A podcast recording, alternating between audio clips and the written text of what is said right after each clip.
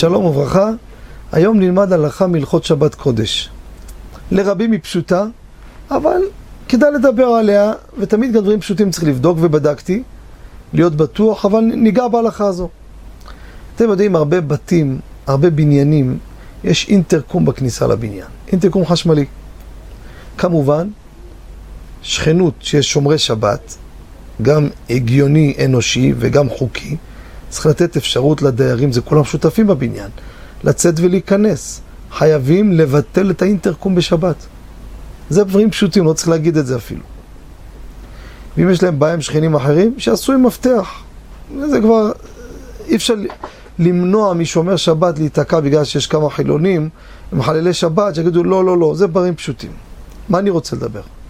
שכחו לפני שבת לבטל את הכפתור של האינטרקום. זה לא חשמלי.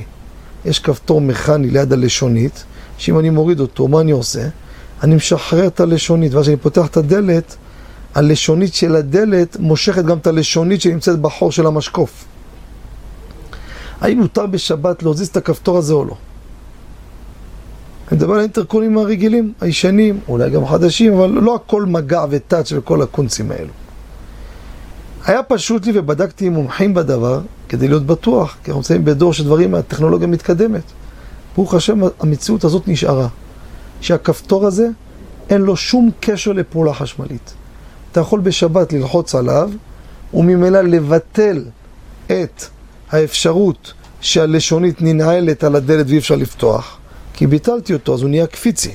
כשאני פותח את הדלת, אז הלשונית מיד זורמת החוצה, והדלת נפתחת, ואין בזה חילול שבת. תודה רבה וכל טוב.